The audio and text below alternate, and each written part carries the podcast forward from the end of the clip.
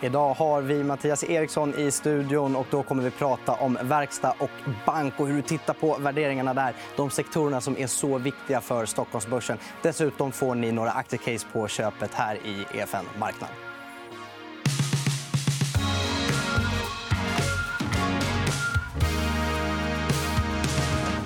Ja, och dagen till ära så har vi också publik i studion. Väldigt, väldigt roligt måste jag säga. Ehm, ja, du Ara, vad har du till oss idag? Vi har fått in en tittarfråga om eh, vilka sektorer som drar på eh, i USA. Precis. Det är helt enkelt ja, vilka sektorer är det som eh, växer mest i USA just nu. Och det är klart vi ska besvara den.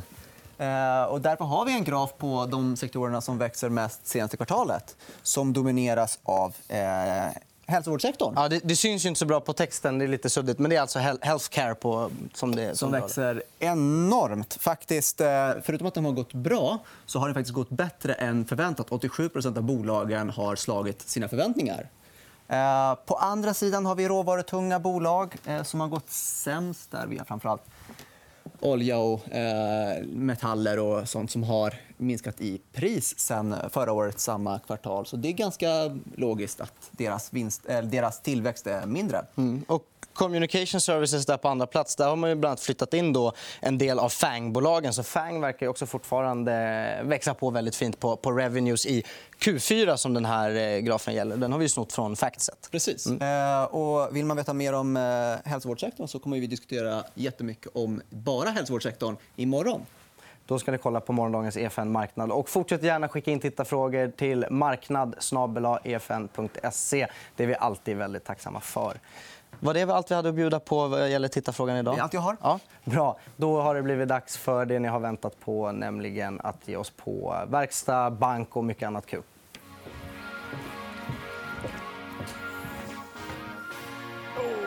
Välkommen. Tack. Hur, eh, hur känns det att vara tillbaka i, i nytt format? Ja, men det är ju spännande. Ja. Kul med lite uh, nystart. Ja. Uh...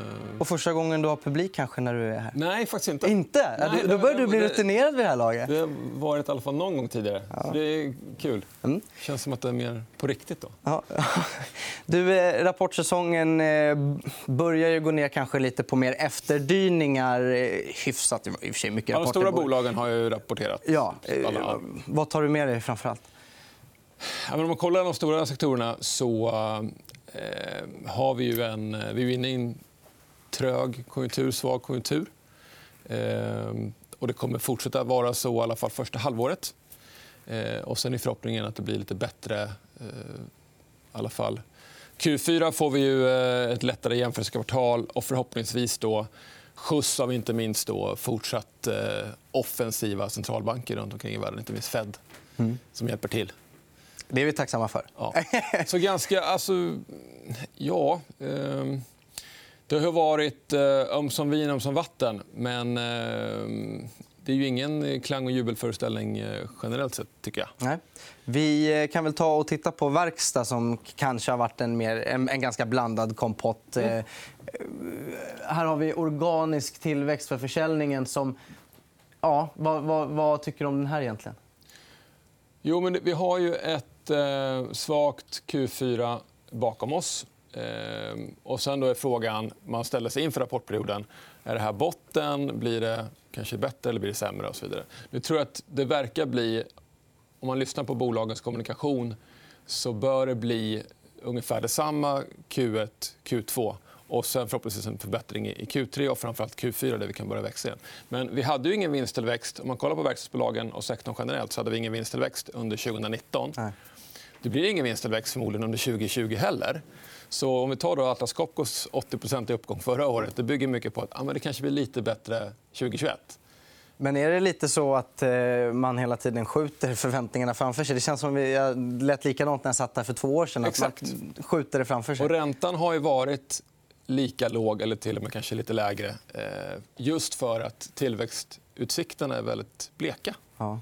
Så bolagen har svårt att växa. och Då får man titta mer på bolagsspecifika faktorer eller stories. Eh, och sen de här kvalitetsbolagen som Atlas är ett exempel på, Assa, som är deras högt. De älskas ju verkligen av alla investerare. Så spannet mellan de här fantastiska kvalitetsbolagen och de lite sämre bolagen är ju väldigt stort. Ja, och det har vi dessutom en, en bild på som vi kan titta på där vi ser att värderingsskillnaderna är, mm. är väldigt stora. Ja.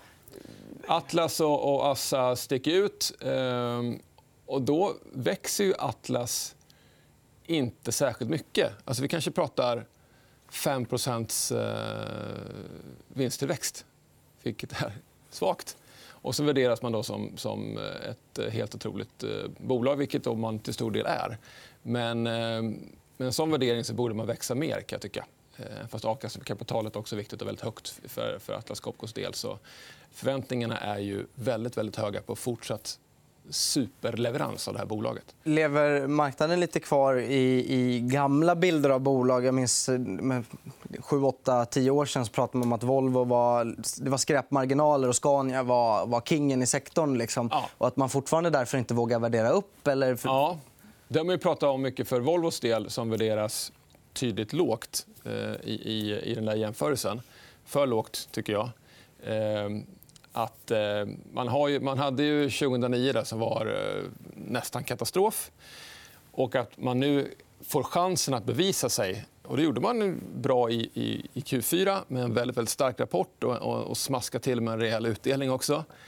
Eh, stark balansräkning. Och eh, nu får man då bevisa sig ytterligare under framförallt eh, första halvåret här och visa att man är ett mycket starkare bolag än vad man har varit historiskt. Mm. Eh, men det har de lyckats med i Q4. Jag är övertygad att de kommer lyckas med det eh, framgent också. Sen är svängningarna större för Volvo än för Atlas och Assa. Eh, så en viss värderingsskillnad kan man motivera på grund av det, men, inte så mycket som det är nu. Det tycker jag inte alls. Som, eh, som aktiestrateg, hur, känner du, hur, hur het känner du att eh, verkstadssektorn är att, att äga i år utifrån de värderingar vi ser åt vinsttillväxt? Inte särskilt. utan Det är ju de här bolagsspecifika eh, casen. Ska, vi ska ju prata om ett eh, inom kort. Där. Ja, vi kan ju gå på det nu. Om du... Volvo är ju fortsatt intressant. Ja. För De har ju lyckats förbättra sig strukturellt eh, tydligt. tycker jag. Sen får de ytterligare bevisa sig framgent. Men, men hittills så har det gått eh, eh, enligt förväntan, tycker jag, om en, en, en tydlig förbättring. Man får vara petig. Ja, exakt. Mm. exakt. Eh, men vi går på Munters, då, som är ett, eh, ett val i sektorn från din sida som du eh, hoppas mycket på. Rapport ja. idag bland annat var väl inte så mycket att säga om. De har försökt påbörja någon slags turnaround efter noteringen som inte blev riktigt vad man hade väntat sig. Nej. Noteringen var ju farsartad. Den, den, det blev ju ett enormt krängande och nasande från både Goldman Sachs och Carnegie och även andra. tror jag. Eh, att det här var ju då i princip världens bästa bolag. skulle värderas som Atlas Copco. Och nu har Munters varit noterat tidigare, men det var ett annat Munters. så det går inte riktigt att jämföra. Nej. Så att, att äh, sälja in det som ett nytt äh, Atlas Copco var, var lite magstarkt. Äh, och sen blev det ju magplask dessutom när man sålde in det mycket på Eh, Munter säljer klimatlösningar, eh, bland annat för datahallar. Eh, och man sålde in det som, som eh, eh, ett, ett kraftigt tillväxtområde. Och så nu har man då lagt ner i Europa istället. Eh, så därav magplasket.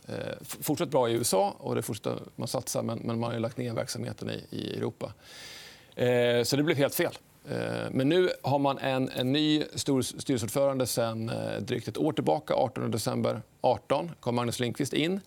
Lagt en ny strategi. Jättebra vd från Sandvik som varit på Sandvik sen 92. Började i augusti.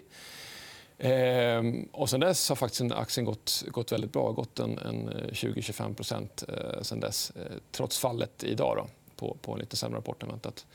Ehm, men här handlar det mycket om... Konjunkturen är inte jätteviktig. Det är klart att den har betydelse. Men här pratar vi framför allt om, om bolagsspecifika faktorer. Och mycket förbättringar internt. Man har förenklat organisationsstrukturen. Man har tagit ner eh, ledningsgrupper från 13 till 6 personer. exempelvis. Så tydlig ansvarsfördelning. Förut hade man en matrisorganisation där eh, inte tillräckligt många visste vem ens chef var. man ska hårdra eh, utan Tydlig ansvarsfördelning. Man har enormt många artikelnummer. Jag vågar inte ens säga hur många det är. Eh, och nu pratade eh, Claes Forsström, då, eh, eh, vd om eh, eh, att man ska dra ner det med 30-40 på, på eh, telefonkonferensen i, i morse. Här. Och det tror jag kan vara i underkant. Mm. utan man, man, kan dra ner artikelnumren helt enormt. Och samtidigt då ta fram nya produkter som man måste göra eh, för att eh, tillgodose kundernas behov. Men, men framför allt i produktutvecklingen handlar det också om att våga ta bort produkter som, som man kan klara sig utan, som har för dålig lönsamhet eller inte uppskattas av, tillräckligt många kunder. Men ett bolag då som lägger om strategin tydligt, ny vd, ny ordförande krymper organisation, krymper produktutbud. Hur lång tid kan det här ta? Det är ju säkert en process. Ja, de har kommit ganska långt. De har ett program som heter Full Potential Program där de eh, skulle spara 210 miljoner. Det har de redan ordnat på årsbasis. Då. Så där är de redan i hamn. Så nu handlar det mycket om, om eh, produktutveckling, sälja rätt produkter till rätt kunder på rätt marknad. Det låter som väldigt självklart, men lättare sagt än gjort. Det har man inte gjort tidigare. Utan nu går man igenom hela bolaget strukturerat eh, och förbättrar det gradvis. Så jag tror vi kommer se det i år ska vi se det, absolut. Eh, gradvis. Och även 2021. Men, men, om man köper Munters idag, då, vad, vad tror du man kan förvänta sig om 4-5 år? Att det blivit någon gammal eh, klenod igen med höga marginaler och kvalitet? Eller... Det vill inte jag se. Nej. jag, har, jag är ju eh, optimistisk. Eh, och det kan mycket väl bli så att eh, Munters blir ett nytt form av Atlas Copco eh, med en betydligt högre värdering.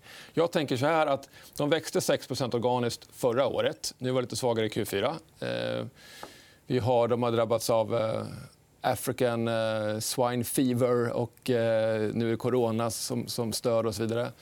Men de kan växa upp mot 5% organiskt kommande åren.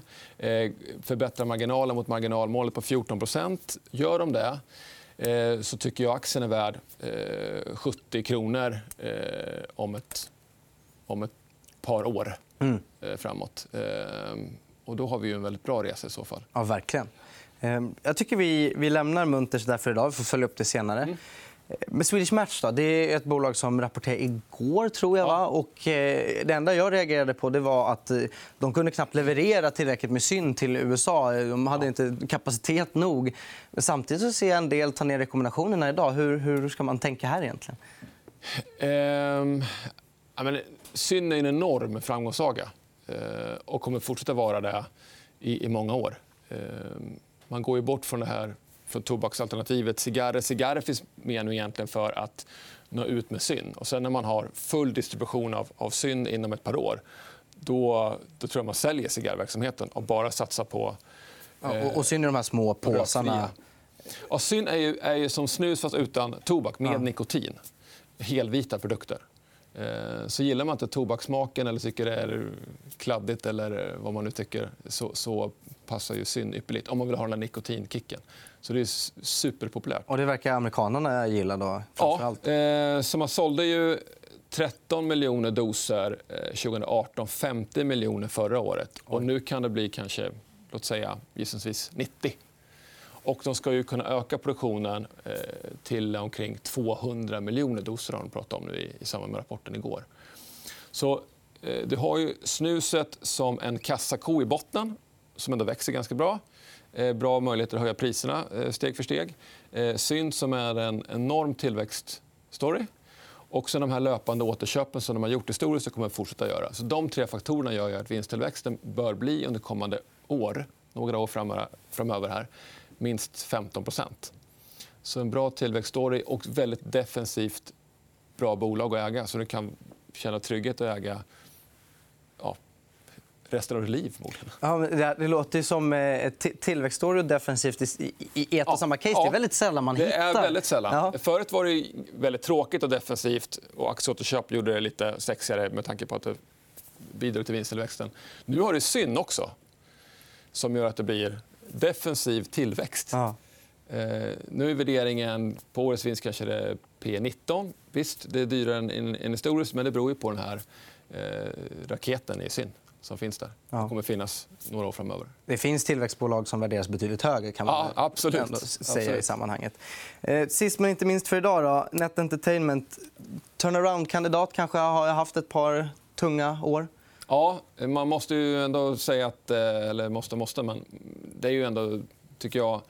Eh, gamla NetEnt är ju lite långsamt och tråkigt. Måste man säga. Så gjorde man då ett förvärv, eh, blev klart i september. Det var en ganska snabb process under sommaren. Vad förstår. Att köpa Red Tiger, som verkar vara ett väldigt, väldigt bra förvärv.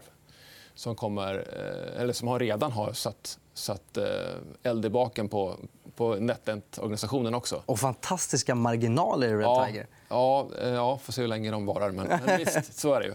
Eh, Det bör bli en, en marginalpress under kommande åren. Borde, borde vara rimligt, men vem vet? I och med att deras kunder har betydligt lägre marginaler så kan kunderna kanske idka en viss, eh, i alla fall försöka idka en viss prispress. Vi får se. Jättefina marginaler. Eh, Men Red Tiger verkar vara jättebra.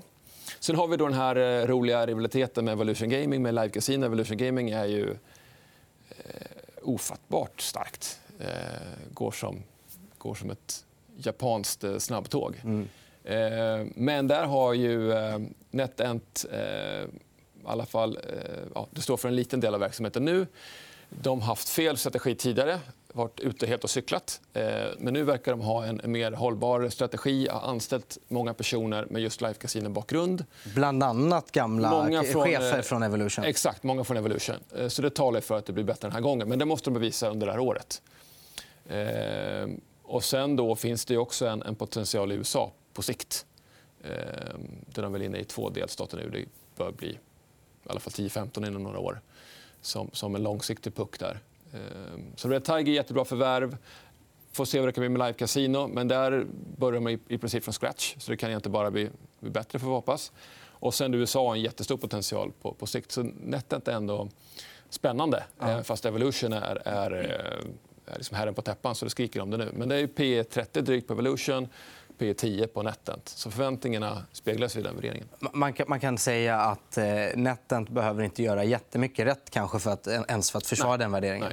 Nej. Eh, Och, det var ett tag som de krympte vinst och även eh, omsättning. Mm. De dagarna verkar över. För nu tror jag faktiskt de växte. Ja, men, ja det var. Alltså, organiskt tillväxt minus 13 i kvartalet. Och det blir kanske...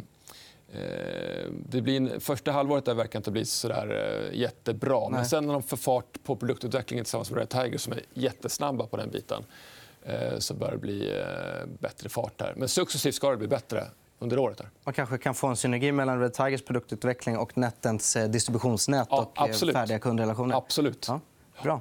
Eh, Men det var nog allt vi hade att bjuda på, på för idag. Tusen tack för att du kom hit. Mattias Eriksson. Det går fort när man har roligt. Eh, Tack. Men eh, med de orden så säger vi titta gärna på oss imorgon. Då kommer vi prata healthcare här i EFN Marknad.